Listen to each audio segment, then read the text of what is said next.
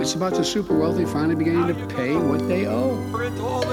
How much debt is too much debt?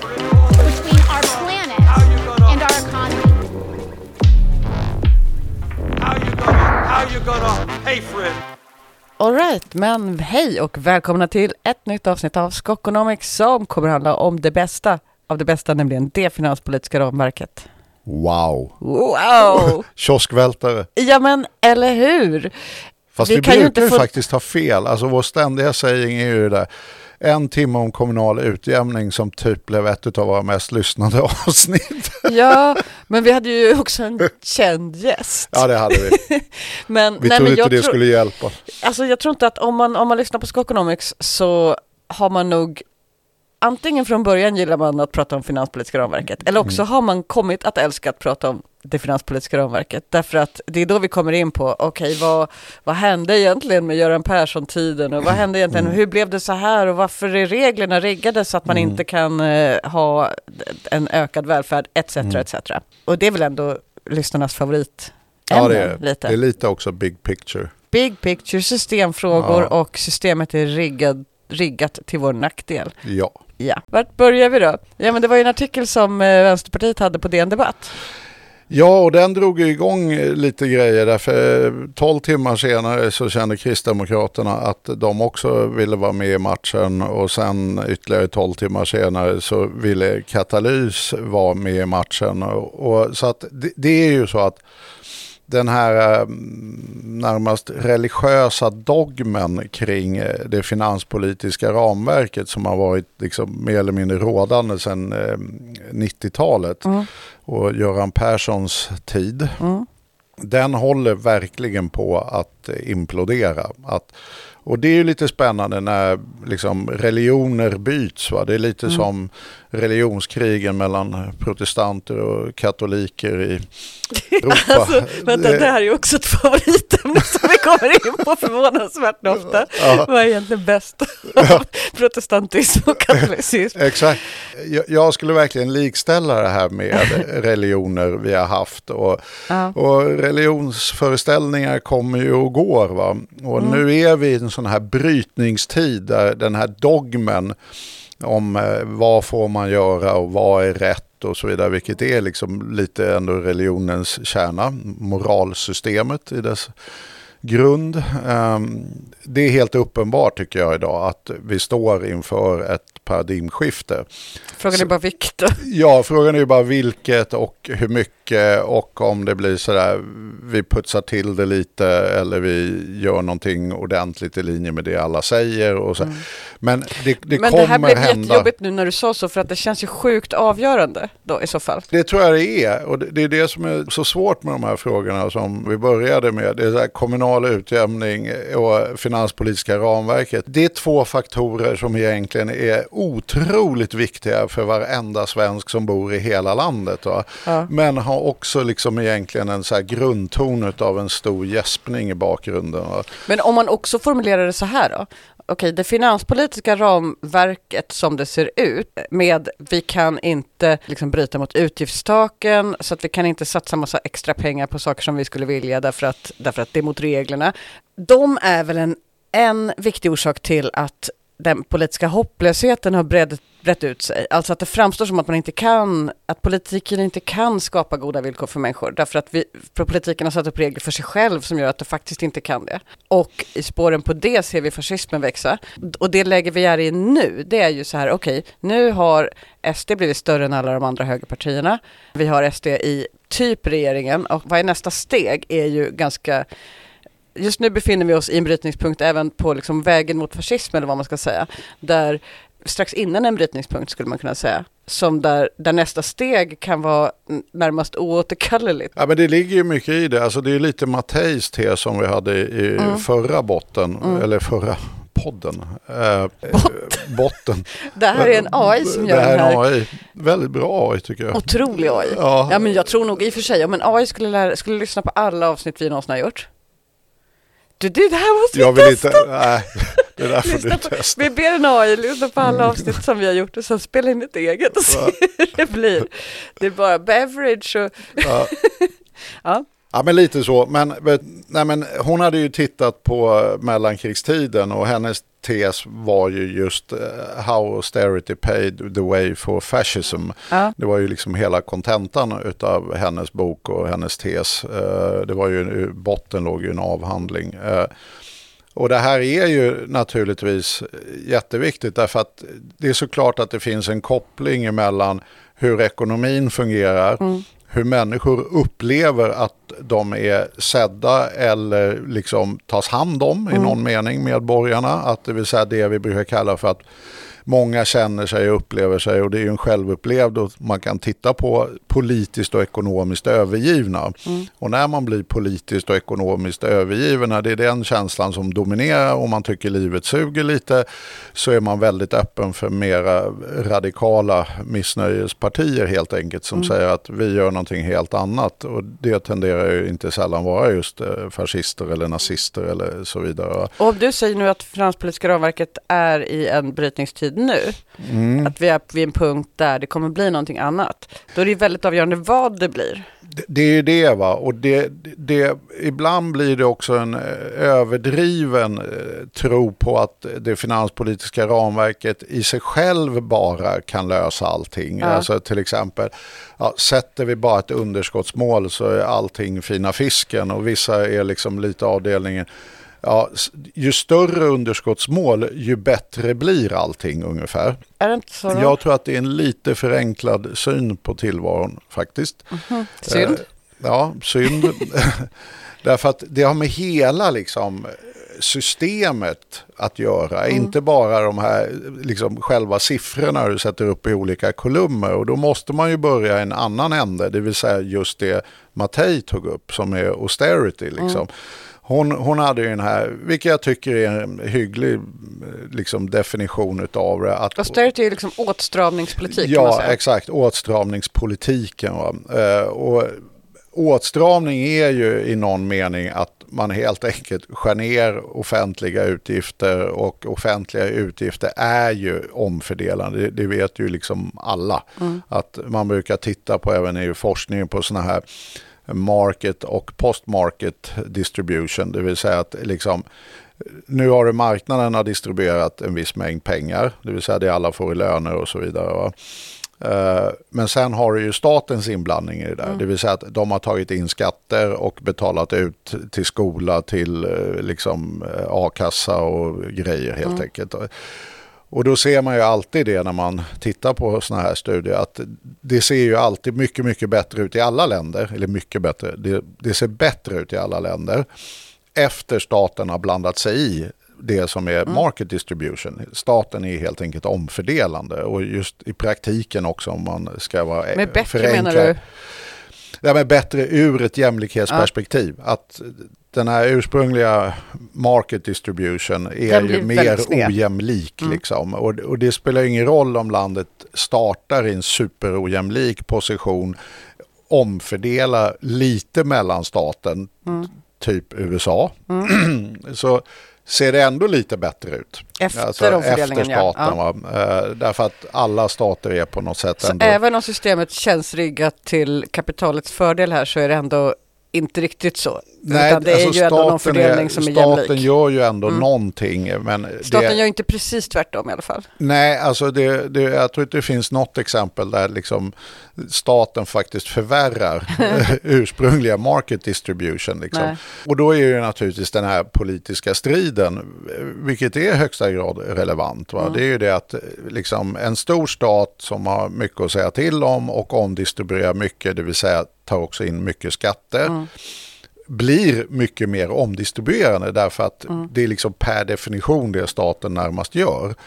Uh, och en väldigt liten stat med väldigt låga skatter kan ju helt enkelt inte förändra den här market distribution särskilt Nej. mycket utan det blir lite vad det blir. Va? Och då blir det ju också rimligt att är man höger vill man ju ha en väldigt liten stat. Mm. Uh, om man vill ha väldigt låga skatter och de liksom sitter ihop. Föreställningen om att vi kan ha jättelåga skatter och en kraftfull stat, det är liksom ja, det funkar helt enkelt inte rent Nej. matematiskt. Och det här gör ju det att den här politiska striden står ju om hur, hur, stort, hur stor ska staten vara, hur mycket ska den omfördela och så vidare. Mm. Eh, och den striden kan man väl säga har det ju funnits en dogm kring de senaste 40 åren. Det vill säga att oavsett egentligen var du är någonstans, alltså oavsett om du har en liten eller en stor stat i ursprungsläget, så ska den krympa. Det är oftast en inriktningspolitik. Va? Att nu ska vi ta ner statens inflytande och det är ju det också Mattei och ja, många, många andra pekar på att vi har ju levt i den här perioden av åtstramning och austerity. Liksom.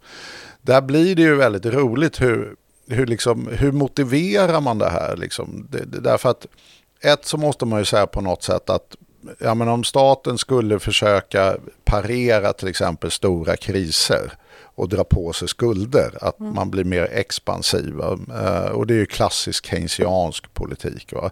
Dock inte ny keynesiansk kanske lika mycket, men liksom det som idag kallas teoretiskt för post-keynesianism. Liksom. Mm. Att man drar på sig skulder när det behövs och sen sparar man när man kan. Ja, exakt. En mycket traditionell keynesiansk syn, om vi struntar teoretiska. Också ganska intuitiv. Ganska intuitiv och lite som också hushållen i någon gång, Ja.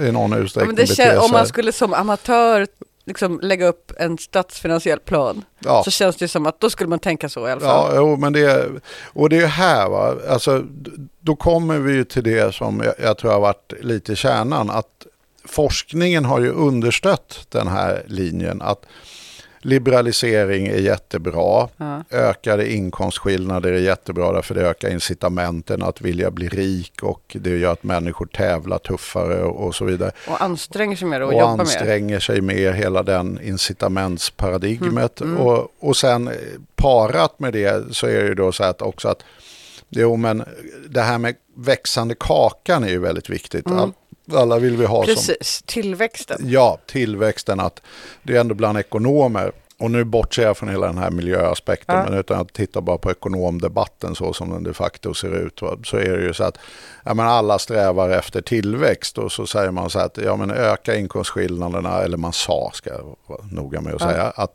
öka skillnaderna, ja då får, ökar man incitamenten och då blir ju kakan större. Så alla och får då, egentligen då får egentligen all, vissa får det lite bättre bättre, Mm. det vill säga de som är rika. Men i och med att kakan växer får de andra också det bättre, fast liksom större skillnader. Precis, och i jämlikhet då har man inga incitament, liksom, tänker de då. Nej. Utan då kommer alla bara gå sega och kakan blir mindre och alla får det sämre. Ja men det blir ju så här flumskolan Mm. och att alla bara så här vill åka på tågluff och röka på och Ja. hänga och Ja, göra roliga grejer, dricka mellanöl och ja, ja men det blir så här. ja. Nej, så att vet, du, det här är ju liksom viktiga komponenter i det här, hur man bygger den här religionen och dogmen. Mm. Liksom. Och sen så kommer ju till det här då att forskningen eh, stöttar upp det här. Mm. Det finns liksom en politisk efterfrågan också på att det, det är så här vi vill se på världen. Kommer de från det här Chicago eh? Ja, inte minst får man ju säga. Mm. Och då, då bör man ju bygga liksom, eh, modeller eh, som ska understödja det här. Och då, då var ju makro som det hette förut, alltså hur funkar samhället? Det här med... Heter det inte så längre? Jo, det heter så. Ja, men, makro. Mm. Ja, makro, va? det, det, är, det är det stora. Ja. Det är så här, ska vi spara eller slösa nu Mm. typ? Sådär lite enkelt. Va? Och så säger makro då, den gamla makron, den Mm. keynesianska makron, så att Nej, men i dåliga tider då ska du liksom bränna på med pengar och understödja ekonomin. Därför det gör att tillväxten blir bättre, arbetslösheten blir inte lika allvarlig och det blir bättre på längre sikt. Och sen när man har kommit ur det där då kan du ju spara ihop de där pengarna. Va? Precis, så man tänker så här, folk, folk, människors köpkraft minskar så kan inte de sätta fart på ekonomin. Nej. Utan då får staten gå in och sätta lite mer fart. Ja, och det, det är ju här vi nu kommer till eh, vad, vad jag tycker ändå, vad jag nog har hävdat under lång tid är ju det att jag tycker Paul Krugmans eh, beskrivning var väldigt bra med att efter typ 1980 så kom vi in i the dark ages av eh, nationalekonomin och makro. Mm. Paul Romer har ju sagt eh, något liknande, att eh, inte riktigt så, men han, han har ju kallat det för, och det här är ju alltså nu två nobelpristagare i ekonomi, ja. så att det är ju inte riktigt vilka som helst. Paul Romer hävdar ju att eh, det här har ju helt spårat ur, det är mm. bara en ren pseudovetenskap. Mm. Det, det finns inte något vetenskapligt innehåll i det. Det är en liksom, matematisk lek som mm. egentligen inte har något kunskapsinnehåll. Mm det vart ju rätt stort rabalder när han gick ut och sa det. Mm. Men jag ska försöka förklara lite varför och, och, hur det kan bli så snett och hur det är kopplat då till austerity. Mm. Eh, därför att en av de här, när man har en, en, religion då vill man ju ha liturger och liksom så här, du vet de här som ska predika det korrekta i det man gör.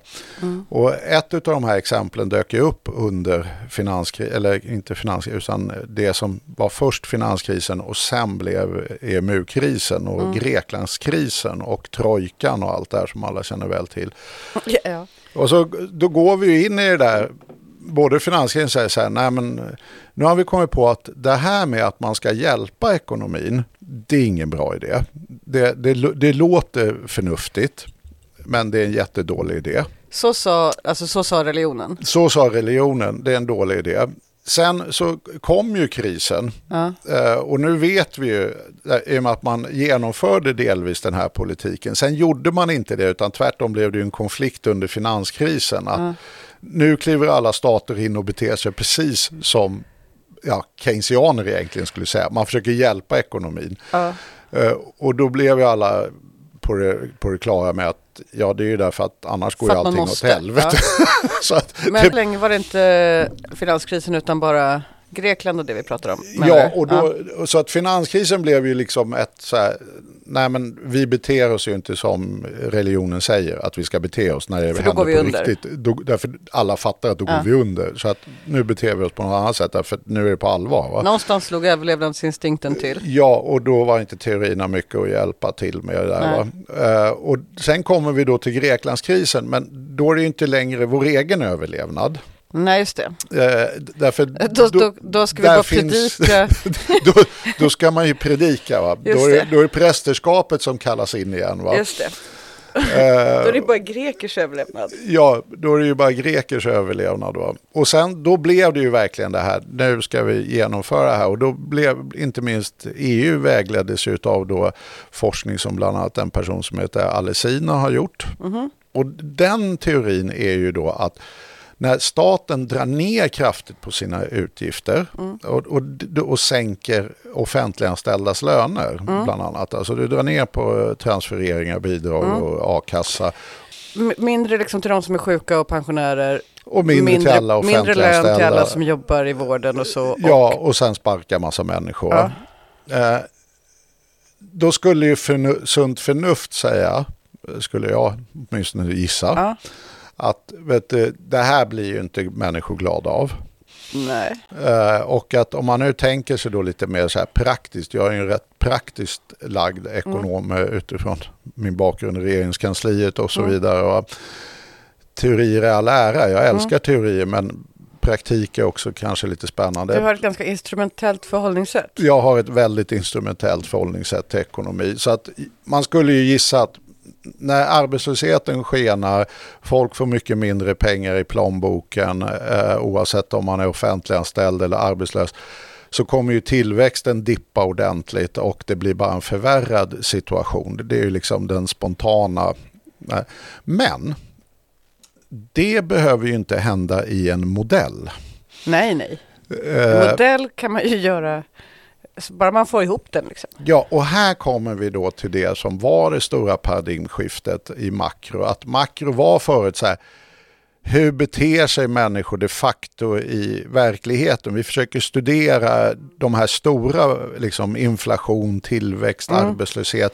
För att lära oss någonting. För, för, att lära oss någonting. Och se om det går att hitta mönster och strukturer som gör att man kan bygga modeller och så. Ja, och som gör att man blir lite mer, det blir lite mer begripligt förmodligen vad som händer. Och så vet man vad man ska göra för att förhindra något som hände förut. Och, ja. exakt. Så man tittade ju liksom på de stora aggregaten. Den stora grejen blev då, nej, vi måste ha ett mikrofundament, därför det finns inte i den typen av makro. Det vill säga, människan, hur den tänker och beter sig finns inte i den modellen. Utan då tittar man just på de stora grejerna och försöker fatta vad händer med de här stora grejerna? Hur rör de sig? Vad håller de på med? Va? Räcker inte det alltså? Det gör ju det va? och det är mycket smartare nog. Va? Därför Ja. att det blir lite knepigt när du ska anta någonting om hur alla hushåll beter sig. Därför att du börjar då med att anta att de har perfekt information. Ja. Och man behöver inte vara ett geni för att inse att människor inte har perfekt information. Och de är perfekt rationella och så vidare. Va? Alltså att du antar, här har vi Homo economicus in excellence. Ja. Och det är varje individ. Man, så, tänker, man bygger en modell som bygger på att en individ, om man skapar incitament som gör att den liksom bör agera på ett visst sätt så kommer den det. Ja, och den nyttomaximerar ju den här individen dessutom Ja. utifrån alla den här liksom perfekt rationella förväntningarna och vet du, perfekta information. När man, när man bygger en sån lekstuga, Ja. Då känner man kanske inte folk. det tycker jag faktiskt var, det tycker jag var en rätt bra sägning. Då, kanske man ligger i autistspektret Ja. och inte känner så många. Nej. Men det, Man försöker liksom hitta på hur är folk egentligen. Ja. det, är en, det är en iakttagelse. Ja. Det här gör man ju därför att bygga en modell som bygger på riktiga människor, Mm. den blir ju så komplex. Alltså man antar ju till exempel... ja, man ska bygga alla riktiga individer, det går ju inte. Ja, ja och, och bara det här med dö blir ju knepigt hur det påverkar människor. Och därför antar man till exempel att alla människor ofta i olika modeller lever i all evighet. Man, ja. man förenklar det så att det inte ska bli så matematiskt hopplöst att räkna visst. på det. Ja, men det fattar man ju. Ja, därför vi människor är, som vi beter oss, är hopplösa att räkna på matematiskt om man skulle försöka få in någon riktig sådär äh, självförnekelsefest, dålig information och allt det där. Va? Så då, då finns det inga modeller som går att bygga matematiskt helt enkelt. Så att man förenklar det grovt för att kunna ändå räkna på det. Resultatet blir ju då, vilket eh, Paul Romer och liksom Paul Krugman nog då känner är lite upprörande. De blir ju rätt verklighetsfrämmande.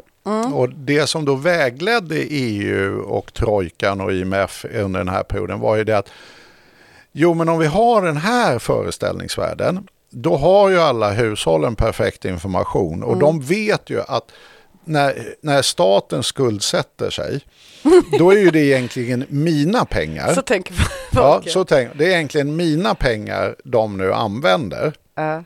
Eh, och då kommer jag ju höja mitt sparande i privat sektor därför jag motagerar. Jag är ju rationell och vill smootha min konsumtion över tid. Och jag är ju rationell. Så trycker staten upp sitt sparande då kommer jag ju motagera eller trycker ner sitt sparande, det vill säga öka utgifterna. Då kommer jag ju motagera genom att trycka upp mitt sparande så att det blir jämnare över tid. Liksom. Det är väldigt komplicerat tänkt av den här individen. Framförallt så borde man kunna liksom göra en otroligt enkel enkätundersökning och fråga alla människor vad statsskulden är och du skulle Ja, upptäcka att folk har absolut ingen aning. Och säg, anta att de skulle veta det. Kanske de också inte tycker att det är deras individuella sak att Det är också en grej för. att de kanske inte skulle koppla det på det sättet. Men, men om man har den här föreställningsvärlden då om staten drar ner, eller vet istället skär ner, det vill säga ökar sitt sparande, Mm. då ser ju hushållen, de här überrationella homo economicus-hushållen, ser ju det också. Mm. Då drar ju de ner sitt sparande Mm. och då stimulerar, då konsumerar ju hushållen mer. Mm. Och då kan man få att om du tokslaktar offentlig sektor, eh, liksom transfereringssystemen, så skadar inte det tillväxten därför att då kommer hushållen bli så glada över deras framtida utsikter att de kommer faktiskt springa mer till Ikea och Ica och handla mycket mer därför nu kommer de istället bränna på som tusan. Just det. Och och det där blir ju då, För, för att de... Alltså vänta. Okej. vänta, vänta. Varför?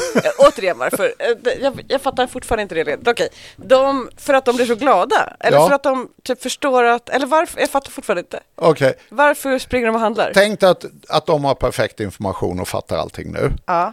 Och så tänker vi att om, om staten nu börjar göra av med mycket mer pengar. Det Då vill ska- säga att de gör perfekta- Mm, underskott. De har underskott i statsfinanserna. Då fattar ju alla hushåll nu, Mm. teoretiskt, att det där underskottet måste ju staten ta hem i skatteökningar. Mm. Eller hur? Alltså, nu, nu, nu fattar. gör ni Ja, stora underskott. Ja. Men- Och då, när, när de vet det, att nu kommer ju hushållen att tänka då så här, oj, staten gör stora underskott. Och jag måste då spara mer, dra åt i Jag motverkande tycker den syfte. delen hade någon logik jag kunde hänga med i. Det Men är sen då då, när staten- vänd bara på det.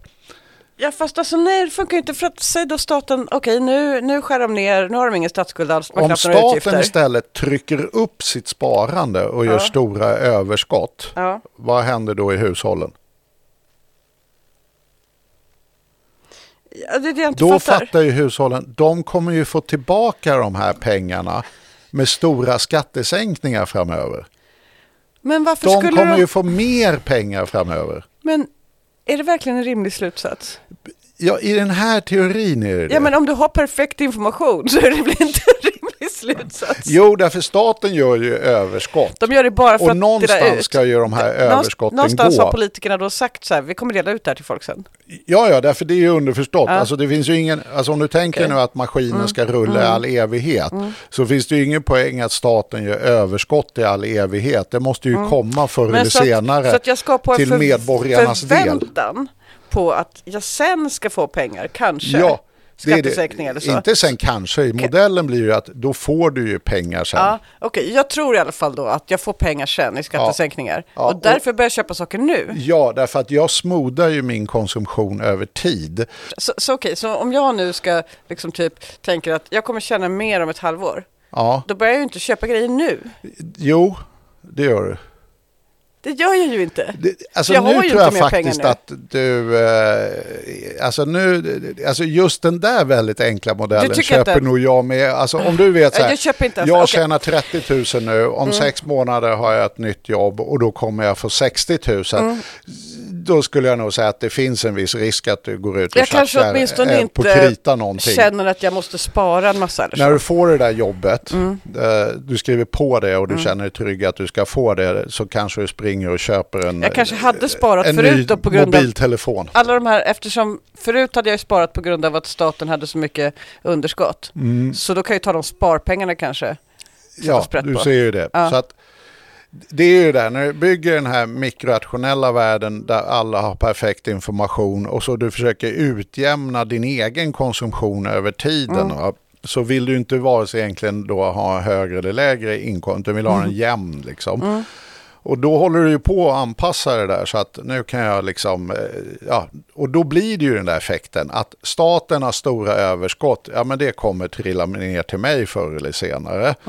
Och då behöver inte jag spara så mycket och då går jag att springa ut och konsumera. Och då ökar hela tillväxten och, Och kakan då så att säga. får du ju inga negativa, till och med positiva tillväxteffekter av kraftiga nedskärningar i Ja. det offentliga. Och kanske till och med får ökade skatteintäkter och så då igen.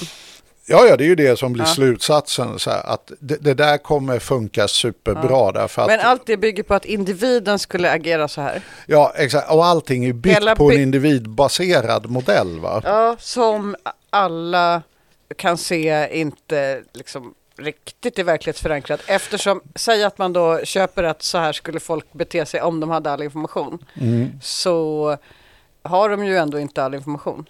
Och plus att, sen skulle de ju inte bete sig så här heller. För att andra saker som till exempel nostalgi, intressen, alltså. Jag, jag, mycket liksom. jag, jag, tycker, jag tycker att du gör det väldigt mycket mer komplicerat än vi behöver. Jag Därför tycker inte att folk skulle att- agera så här även med informationen. Även i och med att jag var ju ändå med under den här perioden eh, i diskussionen och jag skrev redan då artiklar om att det här är typ det mest korkade jag någonsin har hört. Va? Alltså, och det bygger ju mycket på den enkla anledningen att aldrig någonsin i världshistorien har människor reagerat på det sättet. Nej. Utan Får du stora neddragningar i offentlig sektor och transfereringssystemen sänker offentliganställdas löner så blir det nattsvarta rubriker Mm. om att allt håller på att gå åt helvete och det enda som händer då är att hushållen ökar sitt sparande. Privat sektor ökar sitt sparande. Man blir orolig. Ja, och, och då går ju ekonomin, då är det ju två sektorer Mm. som trycker ner ekonomin, det offentliga och det privata. Mm. Och vi gjorde ju den övningen för inte så himla länge sedan på 90-talet. Mm. När vi etablerade det finanspolitiska ramverket Mm. så tryckte ju både offentlig sektor och privat sektor ner ekonomin och det var ett stålbad ifrån helvetet. Det ledde till enorm arbetslöshet. till Det ledde exempel. till en enorm arbetslöshet, tre år av negativ tillväxt. Jag menar allt var dåligt. Va? Jättestora budgetunderskott. Därför när ekonomin pressas ner och arbetslösheten stiger så är det en mardröm för vilken finansminister som helst. Därför du flyttar människor utifrån en finansministers perspektiv från att de betalar till dig till att du ska betala till dem. Ja, det Så vill man ju inte. Du förlorar inte bara inkomsten, det ökar också din utgift. Så du får både ett minus och ett plus så att säga. Och då blir ju effekten väldigt stor på statsbudgeten. Jag har för mig att det var så typ 600-700 000 arbetslösa eller något. Det var ju det. Vi var ju uppe i 16 procent om jag inte missminner mig, arbetslösheten och sånt där. Eh, Så att det, det var ju en arbetslöshetschock från helvetet. Va? Eh, Och, så att det här var ju inte oprövat. Det var då jag kom ut på arbetsmarknaden. Det Ja. var så bra timing. Ja, eller hur? Man tajmar grejer. Och då kan man ju se det att, ja men vad hände då i Grekland? Jo, det gick ju precis som man kunde förvänta sig. Folk läser i tidningarna om att allting går åt helvete, privat sektor börjar spara. Liksom, och då menar jag, tittar du både på hushåll och företag så ökar ju då sparandet i någon mening då om man kallar det för det även i vet du, företagssektorn på grund av att man slutar investera. Eh, Så att du får ju den här, allting trycker ekonomin ner och ner och ner och det går bara sämre helt enkelt. Så att det var ju väldigt dåligt och det har ju trojkan, eller inte, inte trojkan, EU är ju fortfarande rätt sega på det, men IMF har ju varit väldigt tydliga att eh, lite avdelningen, oops förlåt vi krossade ert land, det var inte meningen. Eh, Nej, vi hade en tänk- modell. Vi hade en modell. Som verkade kanonbra på pappret. Men det visade sig att vi inte kände något folk. Ja. Så, Det visade sig att vi alla hade autism. ja. Ehm, Och det förklarar saken helt ja, enkelt. exakt. L- lite så faktiskt. Ehm, så att, och då ska vi inte ge oss Förlåt. in på vad som händer i en ekonomi på det sättet när den krossas. Därför att det, det skapar ju rätt stora problem både för välfärden, Mm. för folks hälsa och spädbarnsdödlighet till och med gick upp och så Mm. vidare. Alltså det, det är fruktansvärt helt enkelt. Eh, så att det är väl en klen tröst att man fick en light ursäkt från IMF. Men ändå, vi lever ju i de finanspolitiska ramverk som bygger på samma principer och modeller ju. Ja, ja, och jag tittade upp det här Och det går ju bra. senast nu då. Så Alessina, han är fullt igång fortsatt med detta och skriver sina vetenskapliga artiklar om att det faktiskt eh, funkar så här. Vi har ju inte gått under än heller. Nej, och det, det är ju det va, att där har vi ju då att Nej, nej, men skära ner, alltså om du tittar då på utgifter, att förstärka saldot, eh, och det är ju det här om man går plus eller minus Ja. då med totala utgifterna. Eh, det är det liksom kostnads... Det är noll problem i något läge. Därför människor är rationella. Den tesen är ju rätt svajig numera. Ja. Eh, och det, det gör ju det att, ja men här kanske, alltså alla utom Alessina har väl mer eller mindre omprövat det där. Vi har ju Eh, också haft två, eh, både coronakrisen och Ukraina-krisen. Vi har där vi har det. sagt så här, låt oss bränna på med stålar. Det är ju det va, alltså verkligheten är, reality bites någon mening va. Och de här troende, de gamla översteprästerna var ju riktigt förbannade. Det är så här, när vi betedde oss under finanskrisen va, när det gällde våra egna ekonomier. Då gick ju några sådana här Chicago-ekonomer ut och sa liksom nu eh, drivs politiken av amsagor och mytbildning och så vidare. Va? De drivs inte på den här fenomenala modellen baserat på en påhittad individ. Nej, Nej, utan de drivs istället ja, verkligheten Utan- som bara utan massa är jävla myter och makroforskning och skit. Ja, så att Lite så. Så att vi har ju efter finanskris, pandemi och lite annat liksom eh, modifierat vår syn tillbaka till att vi är lite på väg att lämna medeltiden. Och den här som Paul Romer då kallade pseudovetenskapen. Hade de, hade de något underlag på den här individen? Uh, Alltså, de, nej, nej, det här är bara... Nej, de bara, herregud. de bara, de bara sa så här, så här funkar folk. Man antar. Ja. Så här funkar folk. Ja, men för man skulle kunna tänka att ett sånt antagande skulle kunna baseras på någon studie eller något. Nej, nej. Hur att- reagerar nej, folk nej, på nej, statsskuld? Där, nej, nej, alltså En om du skulle skicka in ditt. ett gäng eh, vet, du, experter på psykologi och säga så här, funkar människor så här, så kan jag Ja. säga att nej, det, det är in, just antagandena är inte forskningsbaserade. Men Var det ingen som sa något om det då? Ska vi inte basera det på antaganden det, det, som... det var ju precis Paul Romers case. Ja. Alltså, vi antar så mycket asrubbade grejer nu Mm. när vi bygger våra modeller. Att vad som kommer ur modellerna blir ju helt irrelevant. Därför att det finns liksom ingen realism i de här Nej. antagandena. Hur var Alltså, det här skämtet? Nationalekonom skulle göra någonting och, då löste det sig med att han antog att... Ja, Ja. exakt. Jo, nej, men det är ju det. Va? Det har ju blivit en antagningslek. Liksom. Och, och det har ju med det här med mikrofundamentet bra att göra. argumentation egentligen. Alltså man använder det här kanske för lite, vi övriga, vi som Mm. inte är nationalekonomer, att man bara i ett gräl eller så säger, men anta att, och så Ja. gör man ett bisarrt antagande. Mm. Ja, då, men det men eftersom man säger anta att, Ja. då, då är ju den andra med på premissen att nu ska vi anta det här. Och sen bygger man vidare och då har folk glömt bort att antagandet var absurt. Ja, nej, men det, det är lite så det. Det var ju det som var Paul Romers Ja. kritik. Eh, Och jag tycker det ligger mycket i det. Och jag tror att en anledning till att inte folk driver så absurda teser som Alberto Alesina gör har ju med någon form av självcensur. Att man, man vill inte komma fram till för uppenbart konstiga resultat. Liksom. Eh, Men eh, det här var ju liksom ena delen av att det här med att skära ner i staten, det är liksom, det är no problem. Det blir bara kul utav det. Va? Eh, och då har du ju löst det ena problemet. Sen måste du det andra problemet du måste lösa är ju att säga att det är någonstans också farligt för staten att låna. Och då är det ju också den heliga graalen utav tillväxt vi försöker mäta emot. Och då blev ju eh, Camilla Reinhardt, nu tappade jag tror jag, men strunt i det. Men eh, Reinhardt och eh, ja, deras artikel eh, blev ju otroligt inflytelserik, är ju hänvisad till den hela tiden. Och de mätte ju då på ett stort så här datasätt att, vet du, okej, länder med olika skulder, alltså olika statsskulder, Eh, hur liksom performar de när det gäller tillväxt? Och så kom de fram till att eh, ett sånt där magiskt nummer att ja, men någonstans där vid 100 så blir det jättedåligt. Och då ska man ju vara medveten om att vi ligger rätt nära där. Eller Så att 100, 100 procent eh, Ja. till, eller skuld i förhållande till BNP. förhållande- ja. Mm. Eh, och då, så att då blev den andra liksom, så här, bulten i detta blir ju då liksom att nej men, ett, det gör ingenting att skära ner eh, i offentlig sektor så Mm. Det- länge det är utgifter. Du får inte förstärka med skattehöjningar. nej. Men om du skär ner utgifter då kommer folk bli glada eftersom de kommer få mer pengar sen. Ja, exakt. Och så blir det tillväxt. Och ja. dessutom är skulder jättefarligt. Eh, Och då hade ju han ett stort Excel-ark där han hade gjort den här jämförelsen mellan alla länder.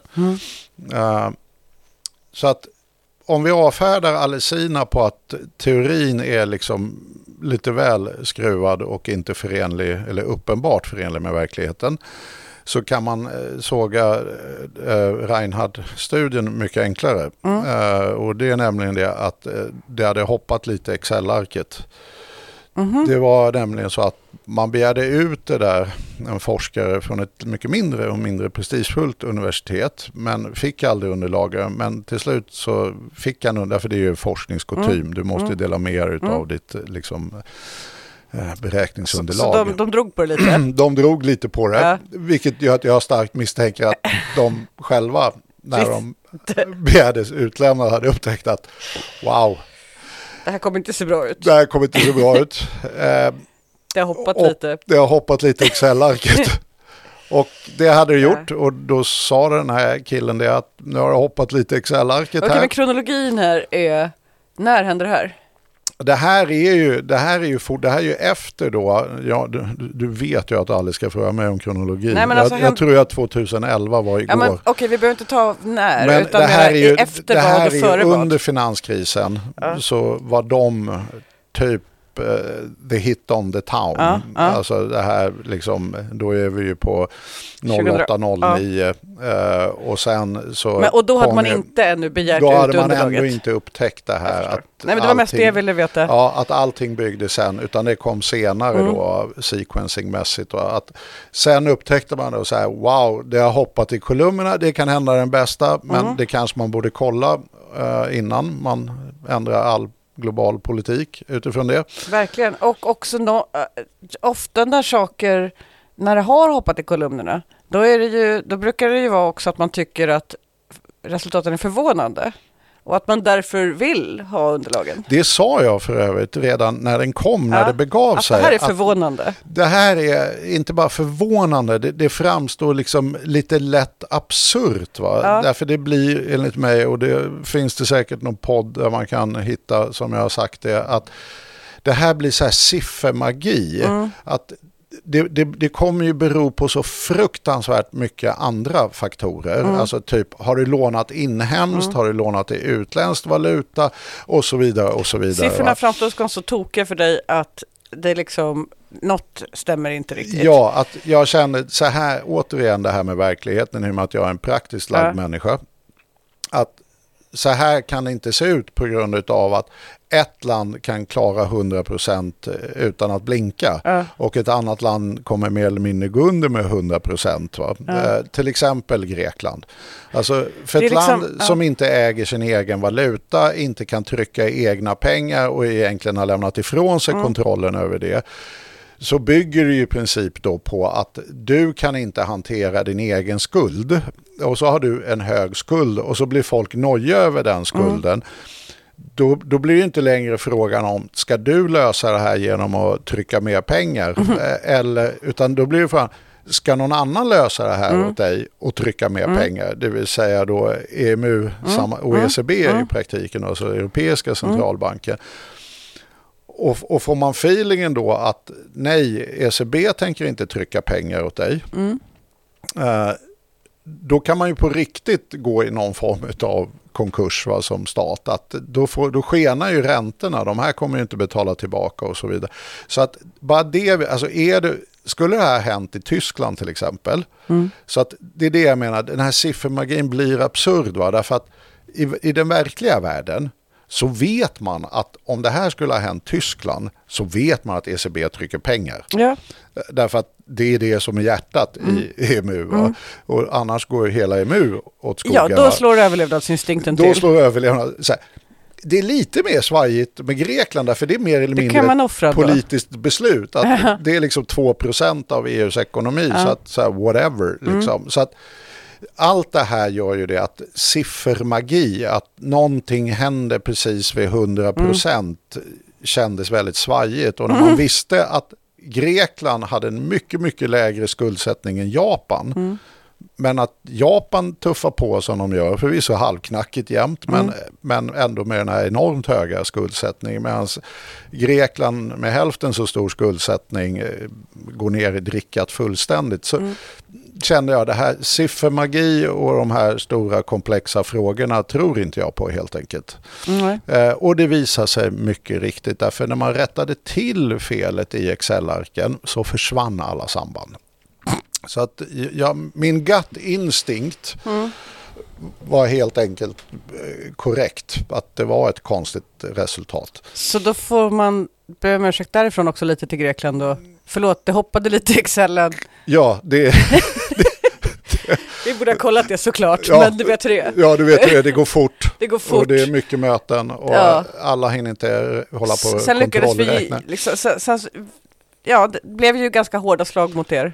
Ja, och sen blir det ju ändå en praktisk fråga. Det är också det med ekonomi. Att det beror på, alltså när det drabbar dig själv som det nu gjorde under pandemin till exempel. Så blir det ju så här, nej men vi gör det som faktiskt funkar och är vettigt. Då kan man inte bara titta på modellen, nej. Nej, inte om man eh, vill överleva. Nej, och det vill man ju. Och, och det hade man ju, man hade ju kunnat lösa. Det finns ju en och annan ekonom som hör, tillhör prästerna då säkert som fortfarande, men nej, nej, kör på modellen. Ja, eh, ja men så är det ju. Va? Alltså präster är ju präster Ja. liksom, oavsett vilken kyrka de tillhör. Liksom. Eh, så att det här har ju gjort det att vi har ju skapat den här kyrkan eh, kring de här modellerna. För Ja. de var ju helt dominerande på många sätt eh, under liksom, ja, 30 år. Va? Så att då blir det så här. Liksom, Reinars artikel var ju liksom mera en så bekräftelse av eh, fördomarna. Ja. Det här är det vi går omkring och tycker. Ja, ah, vad trevligt. Det var rätt. Det var rätt, Eh, ja. visade sig, vilken Ja. tur. Ja, ja exakt. Och, och det här som Alessina säger också sån här grej. Det här tycker vi borde vara sant. Eh, och därför gillar vi det. Eh, och det var ju därför EU citerade, alltså den här föreställningsvärlden att när forskare sitter och pillar på ett Excel-ark eller en modell och sen kommer ut och sen så lyder alla politiker. Alltså, det är ju inte så världen fungerar på riktigt. Utan det politiska formuleras ju i en maktmiljö. Och sen känner den här maktmiljön, det här gagnar oss. Eh, Lite som Mattei, sådär, va? det här med capital order. Va? Vi behöver stabilisera den här ordningen. Och sen så cherrypickar man det man tycker, det här verkar ju passa oss. Eh, Ja, men det som präglar maktmiljöer är ju inte heller rationalitet, eh, långt ifrån, utan det är ju att man ska vinna även några andra i samma maktmiljö. Ja, och det är oftast naturligtvis i dess hårda kärna en fördelningskamp. Ja. Alltså, antingen får du äta kakan eller får jag äta kakan och då kommer man komma fram med alla goda argument varför just jag ska äta kakan och så slåss man om det där. Och sen så tar man hjälp av allt möjligt. Va? Men, men det är ju mycket bättre om man kan bestämma en religion som säger att det är jag som äter kakan. Ja.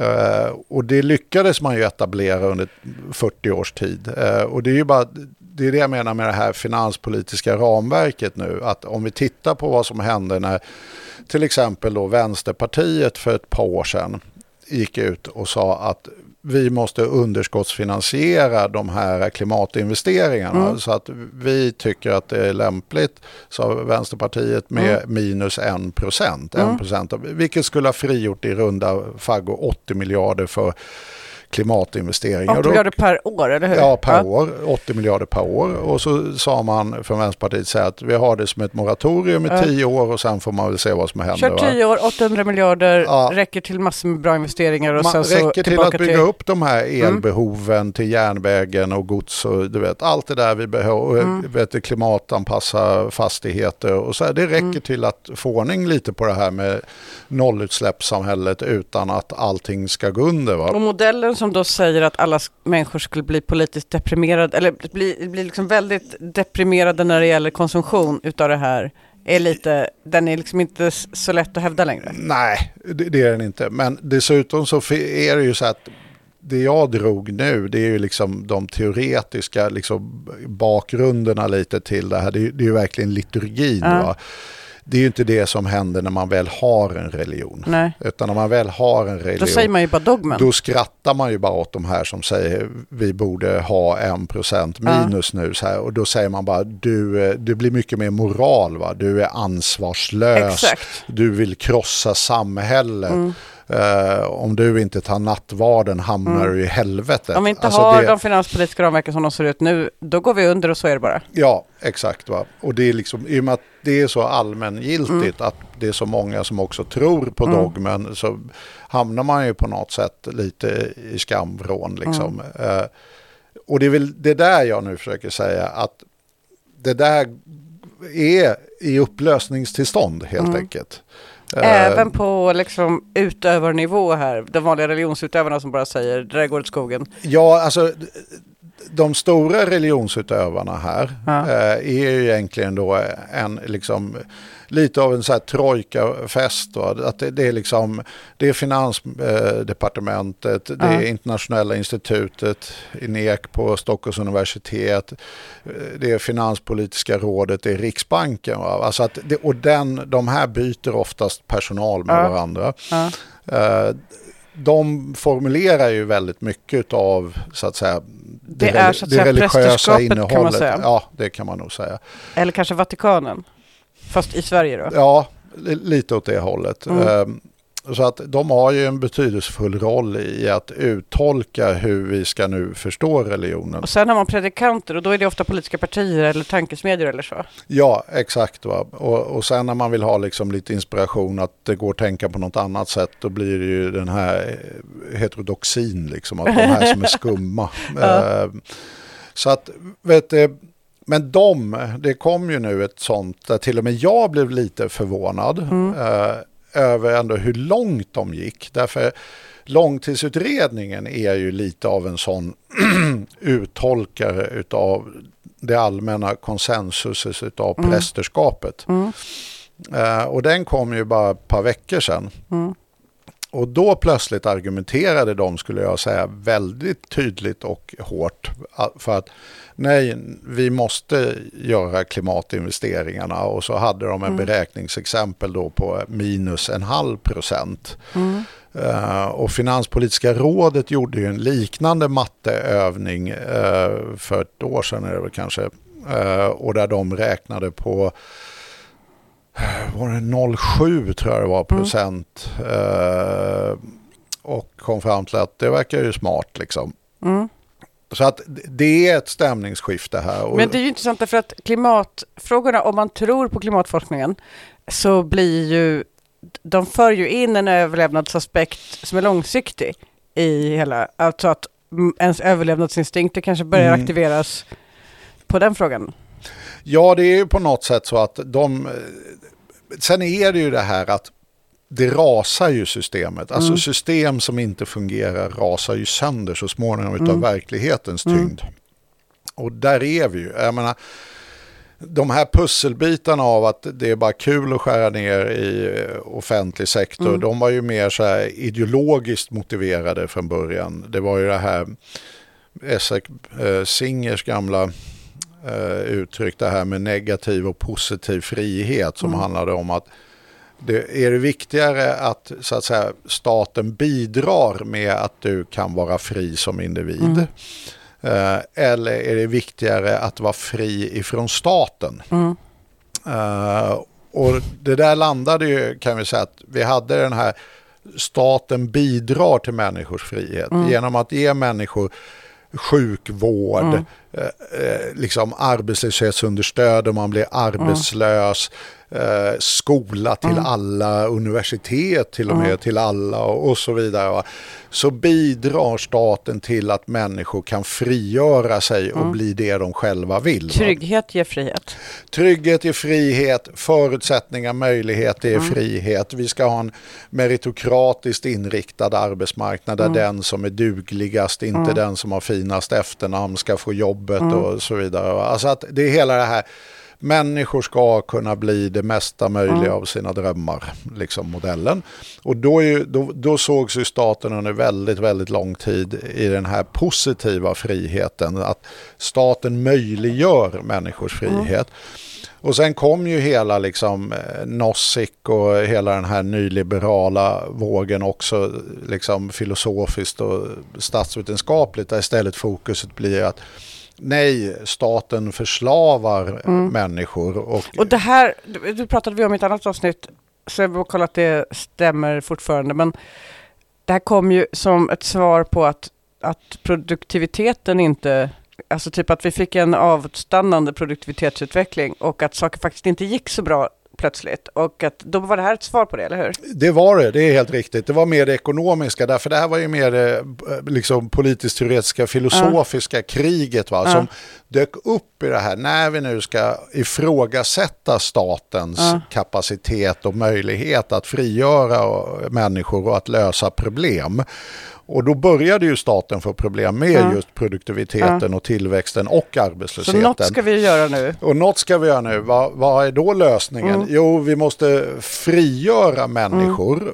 Och med då den nya definitionen, Mm. det vill säga det som eh, Singer kallade för vet, du, negativ Mm. frihet. Vi ska frigöra människor från staten. Det är ganska naturligt att det är en antites som blir det som man då vänder sig till. Det blir väldigt mycket det. Va? Och då, då följer också hela det ekonomiska resonemanget. Hur frigör vi människor? Jo, vi tar bort regleringar, vi sänker skatter, folk ska få behålla sina egna pengar. Vi ska göra folk glada i att driva grejer. Det är incitament som är viktigt. Va? Eh, och nu har vi frigjort människor. Ja. Det, det kan man väl säga funkade ungefär lika bra som eh, experimentet med Grekland. Eh, får man säga. Efter så här 30 år så kände sig inte människor sådär jättesköna och fria. Utan Det vi- mesta har ju ärligt talat blivit sämre Ja, och, när det gäller det. ja, och vi fick ett nytt begrepp. Ja, Politiskt och ekonomiskt övergivna istället. ja just det. Och istället för den här enorma friheten så fick vi nya begrepp. Och politiskt ekonomiskt övergiven är inte fri. Mm, nej. Utan de har just blivit i det här negativa frihetsbegreppet faktiskt blivit befriade.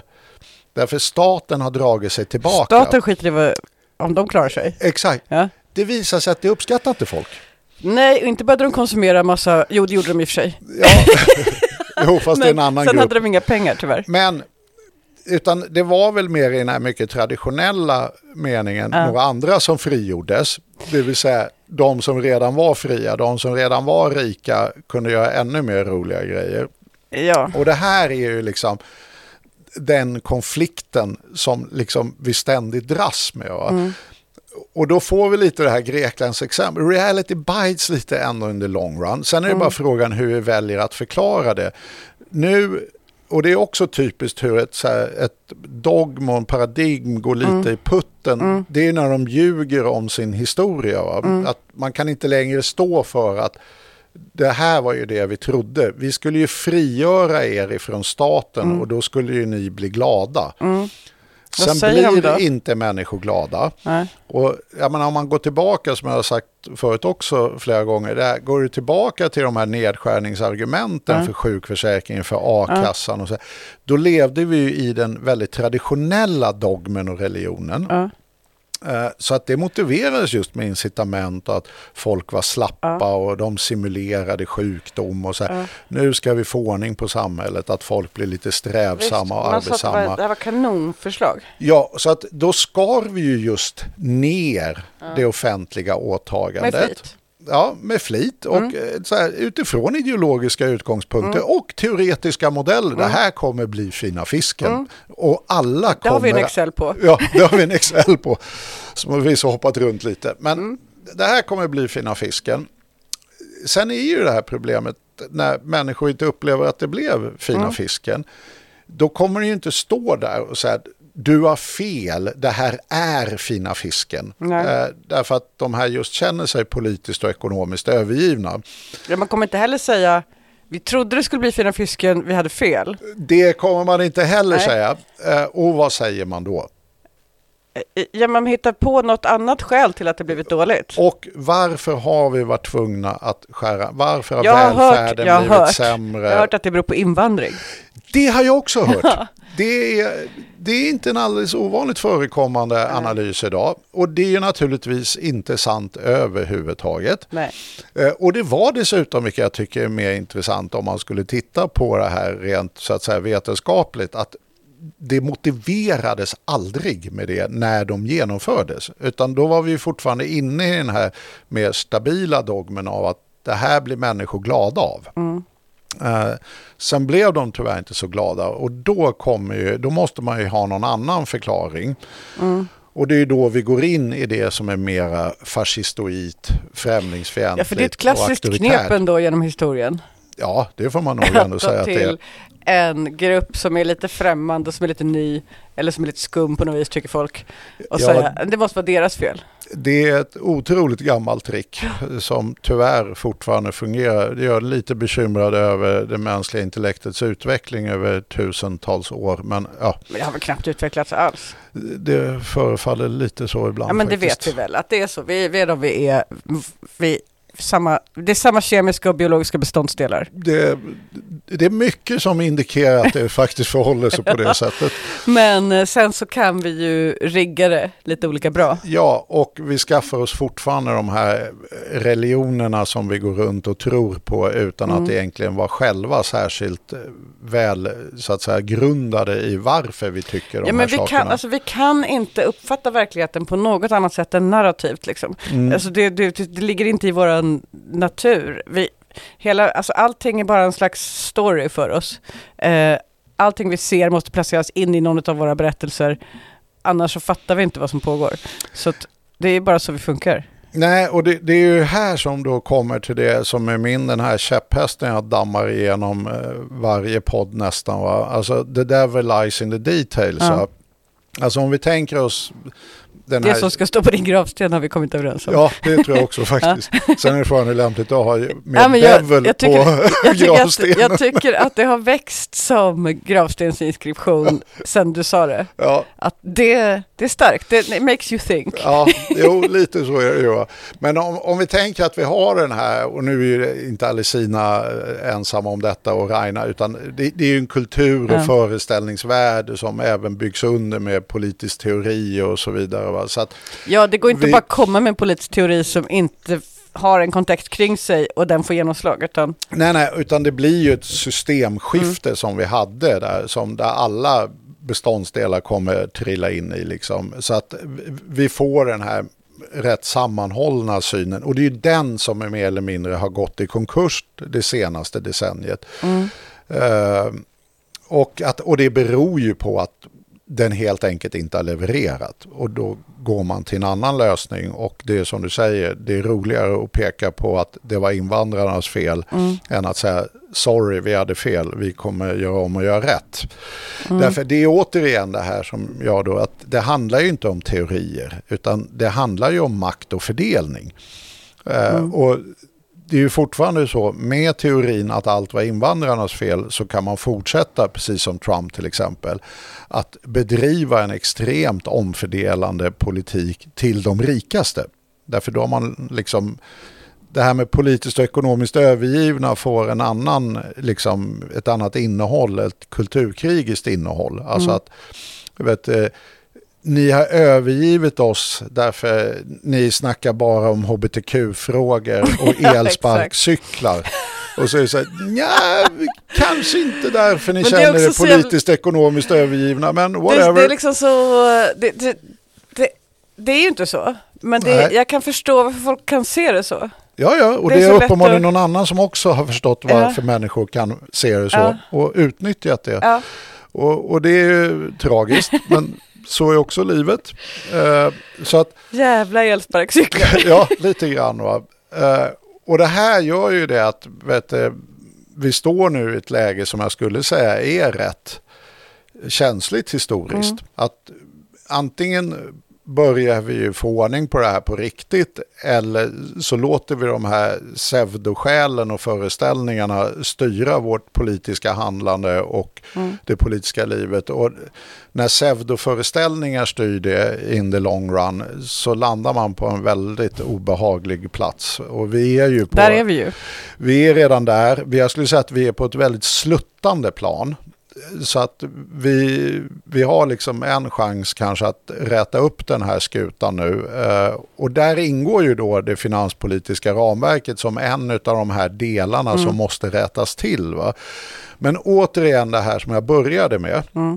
eh, Att det handlar inte bara om, ska vi ha 1% eller 2% eller 3% i underskott. Det handlar ju väldigt mycket vad vi gör med pengarna. Va? Och där tycker väl jag Vänsterpartiet har tänkt klokt. Eh, chockande nog. Eller hur? De, man gick ut med den här DN Debatt-artikeln eh, för några dagar sedan. Och, och där la man ju fast då att man återigen etablerade att vi tror på 1% eh, Mm. i underskott. Eh, och att man skulle tidigare lägga det där, därför det var ju det som Vänsterpartiet kom Ja. fram till i Det är liksom långtidsbudgeten. klimatsatsningarna som vi då ska plocka ut pengar från genom att inte hålla på att betala så mycket till skulden. Ja, och så är det ett förslag som är alltså konsekvensförslag utav det, det vill säga att man måste höja det här skuldankaret från 35 till Mm, 50 procent. mm, det finns noll som tyder på att 50 procent skulle vara något som helst problem. Mm. Men det, det man också tar upp, vilket jag tycker är klokt, därför det är det här som gör att the devil lies in the details, det är att man vill komplettera det här bruttoskuldsmålet Mm. eh, med också ett real och finansiell offentlig nettoförmögenhet. Va? och det handlar ju om också vår kapitalstock i det offentliga. real, finans, real och finansiell offentlig nettoförmögenhet, alltså statens pengar. Ja, alltså att Tillgångar. man, man redovisar hela statens tillgångar och skulder. Idag fokuserar vi ju alla bara på bruttoskulden. Ja. Vi har ju bara ett mål på bruttoskulden, vi mäter bruttoskulden och så vidare. Och det är lite som att typ eh, två barn möts, eller ungdomar, Mm. eh, och bara tänka på livet framöver. Så Mm. vi, vi klämmer till att det gör man vid 20 års ålder nu. Mm. Och så säger ni gärna så här. Nej men, eh, nej men för mig kommer det gå åt helvete. Mm. Eh, mina föräldrar är skyldiga tre miljoner. det, det är bruttoskulden va. Mina föräldrar, det här, jag är rätt körd va. Och så säger den andra. Ja nej, nej, det ser rätt ljust ut faktiskt. Ja. Alltså, mina föräldrar är inte skyldiga en spänn. Ja. Det, det är så vi har riggat världen. Mm. Det är deras samtal. Mm. Eh, den rikt, I den riktiga världen, Mm. då är sanningen den istället att ja, De som inte att spela, de kanske har en hyreslägenhet ja, det är högst sannolikt att de har det. Eh, som inte ökar i värde alls. och att de inte heller till den här skulden paras också att de helt saknar tillgångar. Ja. Eh, och då är oftast läget kanske inte så ljust. De har förmodligen köpt ett hus antar man. De här med tre miljoner, de kanske äger en villa. De har väl inte bara lånat föräldrar- tre miljoner på, på måfå? Nej, utan de har köpt en villa. Ja. Så att, och så antar vi nu lite ödmjukt att villan kanske är värd, om det är storstadsområde, 10 miljoner kronor. Mm. Så att det här samtalet ska ju vara så här att mina föräldrar vet, eh, har en skuld på 3 miljoner men har ju å andra sidan en villa på 10 miljoner. Så att jag har ju en nettoförmögenhet på 7 miljoner och den andra säger jag har inte en spänn, det ser lite mörkt ut. Mm. Så är det troligare. Att, Ja. att de skulle prata på riktigt. Ja, och då måste ju också då det finanspolitiska ramverket inte varje gång man lyfter frågan signalera att vi lämnar en skuld till våra barn. Därför det gör ju det att man får den här moralsynen att liksom, den som är satt i skuld är inte fri, vill jag minnas att någon statsminister sa. Mm. Göran Persson, för Ja. de som inte Ja. kan gissa det. Eh, och den kulturen är utifrån ett statsfinansiellt eh, perspektiv bara rent skadlig. Ja. Jag förstår retoriken och kontexten men statsfinansiellt är det en, en katastrof. Ja. Eh, och då är det, hör det också till historien att vi har ju en av de största finansiella nettoförmögenheterna i västvärlden. Det är typ Norge och något annat apart land som har olja som spöar och så. Eh, Så att Ja. vi är ett väldigt rikt land. Ja. Eh, Och vi har nettoförmögenhet bara på den finansiella sidan som ligger uppåt 30% av BNP. Det vill säga när vi har betalt alla skulder. Eh, Så att vi lämnar ju de facto en stor förmögenhet till våra barn. Goda nyheter för de här individerna i modellen. Väldigt goda nyheter, det håller jag helt med om. Det är faktiskt väldigt goda Nu har ni hört vad jag har sagt. Ja. Det är bara att springa ut och shoppa. För att vi har en ganska god, stor förmögenhet. Vi har det och i och med att ni inte känner Den kommer till så det. småningom komma er till del på något sätt. Ja, och dessutom att det inte ens ingår i modellen. Ja. Så nu när jag lägger till den här faktorn att Ja. vi kanske ska titta på nettoförmögenhet så kommer det här som en väldigt stor överraskning. Så Ja. att ett så tror jag att vi må, för att komma bort ifrån det här att vi bara fokuserar på bruttoskulden och får en felaktig bild och känsla kring hur världen de facto ser ut. Och det, är ju, alltså det, här, det vi talar om finanspolitiska ramverket är ju så här, det ska vara en styråra för Mm. politiken. Ja, men då är det väl jävligt bra om det finns två åror där som att man får en korrekt bild av vad som händer. Och inte bara köra och inte bara köra på ena åran. Det är jättejobbigt att bara en åra. Ja, och bara cirklar istället. Alltså Så att- det, om man bara en åra, då är det enklast nästan att gondolera sig. Det, det är svårt alltså att ta, Ja. ta en båt fram med en åra. Plus om du bara tittar på bruttoskulderna, för en konsekvensändring av ett sånt här förslag skulle ju vara att bruttoskulden steg. Och då tror man att det är någon som sitter och slänger in liksom pengar i någon kamin. Va? Ja. Utan tanken med det här är ju att, eh, från Vänsterpartiets sida i alla fall, är ju att det här ska villkoras till Ja. klimat, det vill säga vi ska investera i järnvägar, el och så vidare. Va? Det bygger ju också upp tillgångar. Mm. Och då, då ser man ju det, titta tillgångarna ökar och skulden ökar och hoppas det är en bra balans Ja, det på får man världen. hoppas då. Ja, sådär va. Så att det är ett förslag. Och sen är det ju det att man ska ju villkora det här med just att man ska göra de här klimatinvesteringarna. Därför att om vi tänker oss övningen nu att just bara för också förklara hur meningslöst underskottsmål är i den meningen att ju mer ju bättre. Va? Ja. Låt oss säga att vi har en bestämd eh, budget. Vi bränner pengar på välfärd, försvar och lite annat smått och gott. Och så säger vi så här, och ungefär 1% av BNP är lite drygt eh, 60 miljarder. Så vi säger, vi gör ett underskott på 60, mi- eller på 60 miljarder. Det är så här, vi, från eh, balans, nu är vi inte balans utan plus 33, men låt oss anta att det Mm. Du ser ju vad jag är van med det här, men låt oss anta. va? Låt oss anta att, Låt oss var, anta att det är. Ja, att det var noll och så sänker vi till minus ett. Ja, men då är det i runda slängar 60 miljarder, lite drygt. Eh, ja, men då kan vi ju bränna 60 miljarder. Ja. Alltså, och då skulle vi ju kunna köpa tåg och lite annat Ja. kul för det. Va? Visst. Eh, och inte minst underhåll i dagens tider av snö. Vi kan börja med underhåll. Vi kan börja med underhåll definitivt. Eh, men regeringen kan ju besluta, jag sänker skatterna med 60 miljarder. Ja. Då, vem blir lycklig? Alltså det kommer de rika bli lyckliga. I och med att staten ja, men omfördelar. inte ens de här individerna modellen då, eftersom nu vet ju de att Ja, exakt. Det är inte- det är att det- också riktigt. Va? Individerna i modellen sitter och tänker det här kommer jag få betala. Va? Så det blir åtstramande effekter. Va? Och särskilt om det är utgifter och så vidare. Så att det här är ju, det är otroligt viktigt helt enkelt vad du gör med pengarna. Va? Och Vänsterpartiets förslag är att det här måste ju regleras i det finanspolitiska ramverket. Att det här just ska användas, inte för att öka vet, du, konsumtionen från det offentliga. Och vad det betyder är att vi ska inte till exempel lägga försvarsutgifterna här. Nej. Det är sånt här katt och råtta-lek man måste fatta med regelverket. Va? Att när Moderaterna säger ja men vi villiga att diskutera ett underskottsmål. Då, då måste man också förstå vad det är om det säger de facto. Va? Därför att om vi nu har ökat bara på några år eh, försvarsutgifterna med 60 miljarder då kommer inte vi kunna sänka skatten så mycket. Därför att pengarna är slut. Precis, Men- så då kan Moderaterna för en gång skulle tänka sig ett underskottsmål för att då kan de sänka skatten. Och då säger de dessutom att då lägger vi försvarsutgifterna där. Ja. Och då kan de fortsätta sänka skatten. Så i Moderaternas värld, så i och med att det är ungefär 1% av BNP vi har ökat försvarsutgifterna med, ja men då lägger vi den där va. Och sen så sänker vi skatten med 1% och det är ju bara en worst off case liksom. Därför det är också grundprincipen. Det som är permanenta och offentliga åtaganden, det ska ju finansieras med skatt. Så det hårda beskedet till svenska folket är ju det att ja, nu har alla politiska partier kommit överens om den här. Det kommer tas ur er plånbok.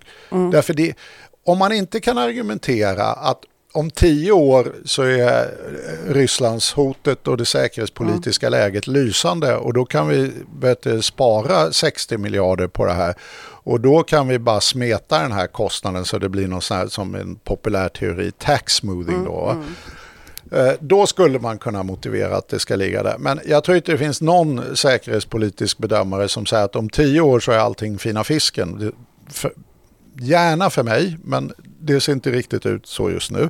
Så att vi måste nog bedöma att det här är en permanent offentlig utgift vi har gjort nu, eller så permanent vi kan se, det är den horisont vi kan överblicka.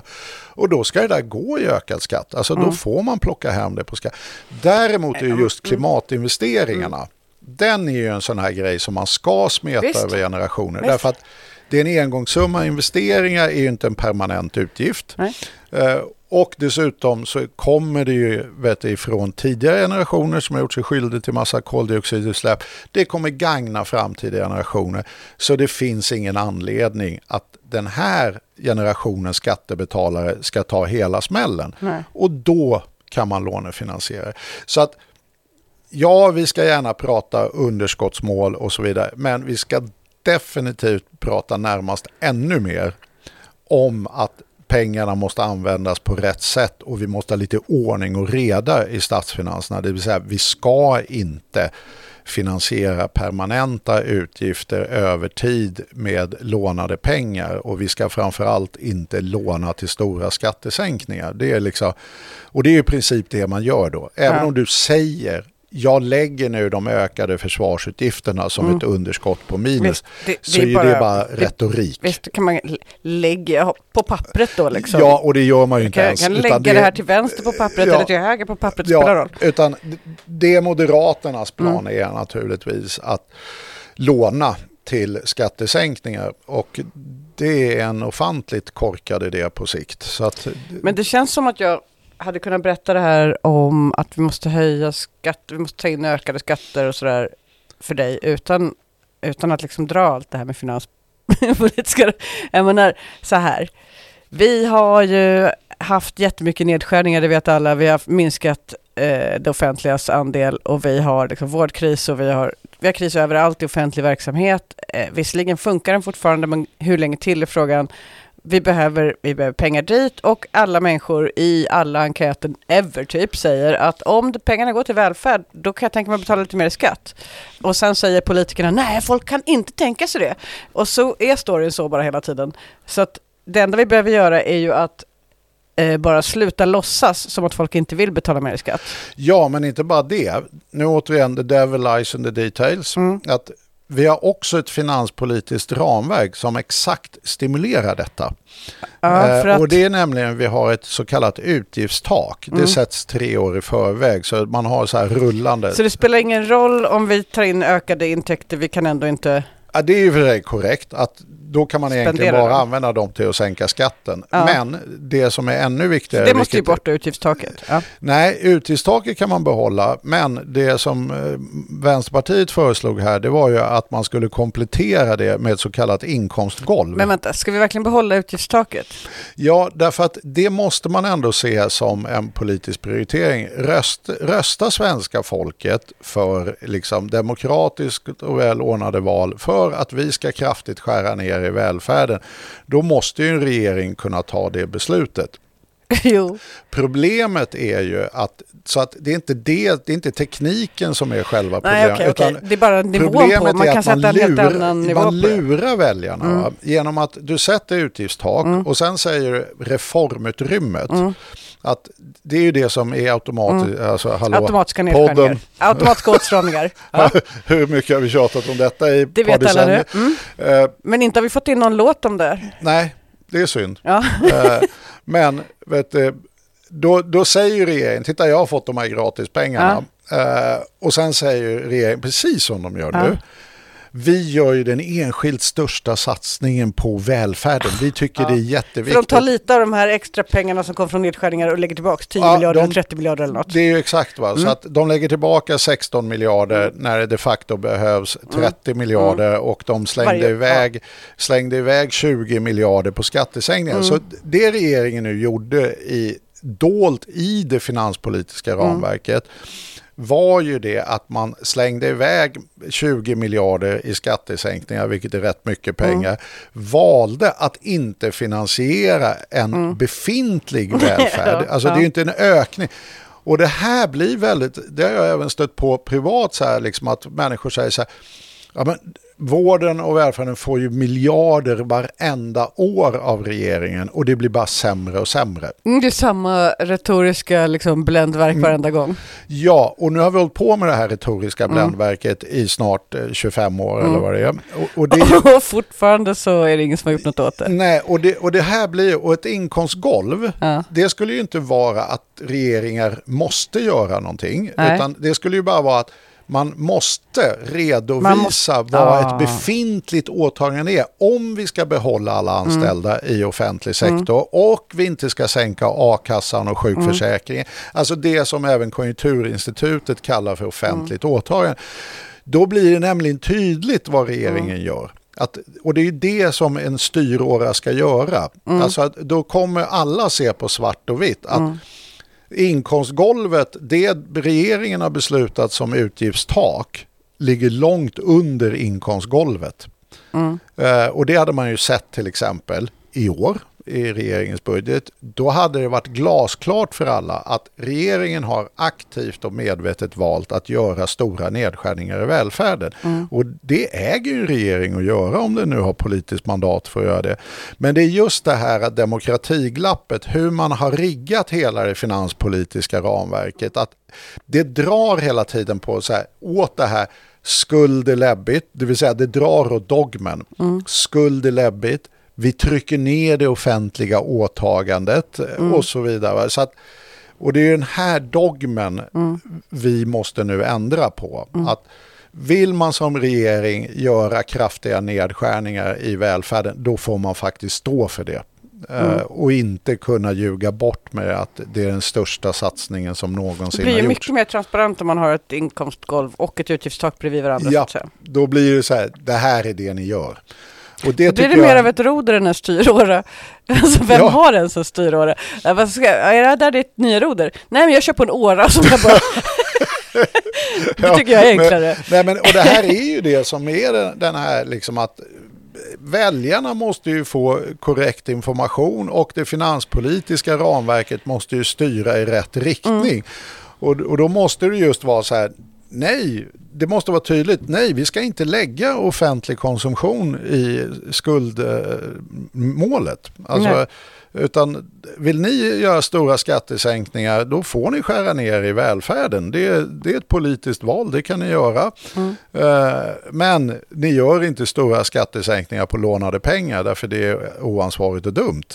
Eh, Men klimatinvesteringen å andra sidan, det kan man göra på lånade pengar. Så att det här är ju liksom, ska vi få ordning både på statsfinanserna, lyckas kassera det här eh, finanspolitiska ramverket som hela tiden trycker mot ett mindre offentligt åtagande och låg skuld.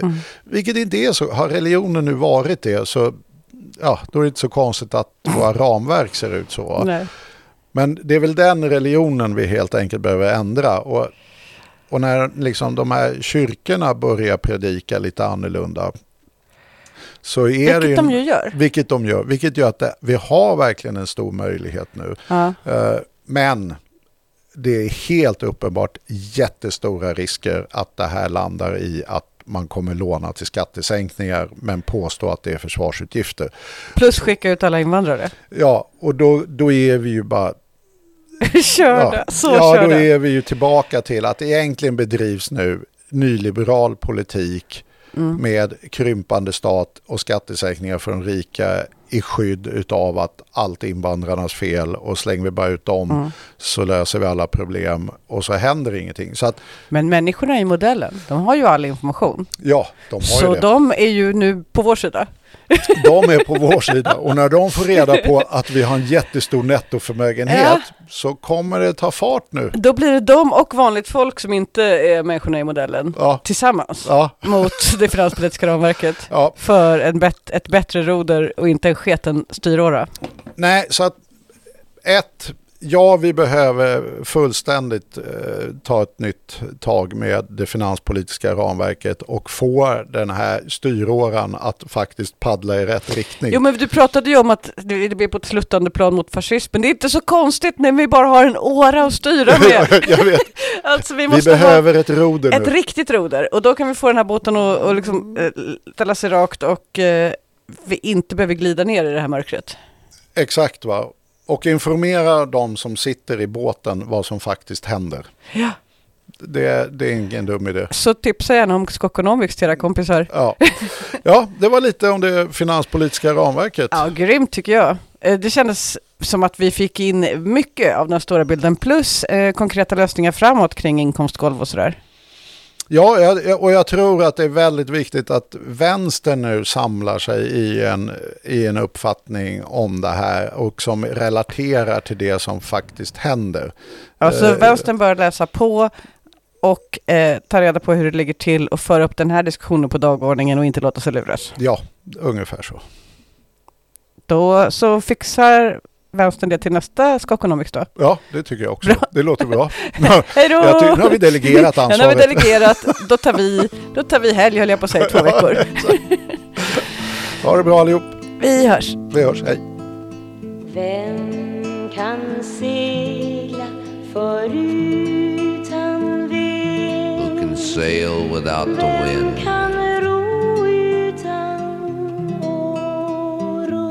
Can row without an oar? Vem kan skiljas från vännen sin? Who can say goodbye to their love Utan att fälla tårar without crying? Jag kan segla förutan vind I can sail without the wind, can row without an oar. Men ej skiljas från vännen min But I can't say goodbye to my love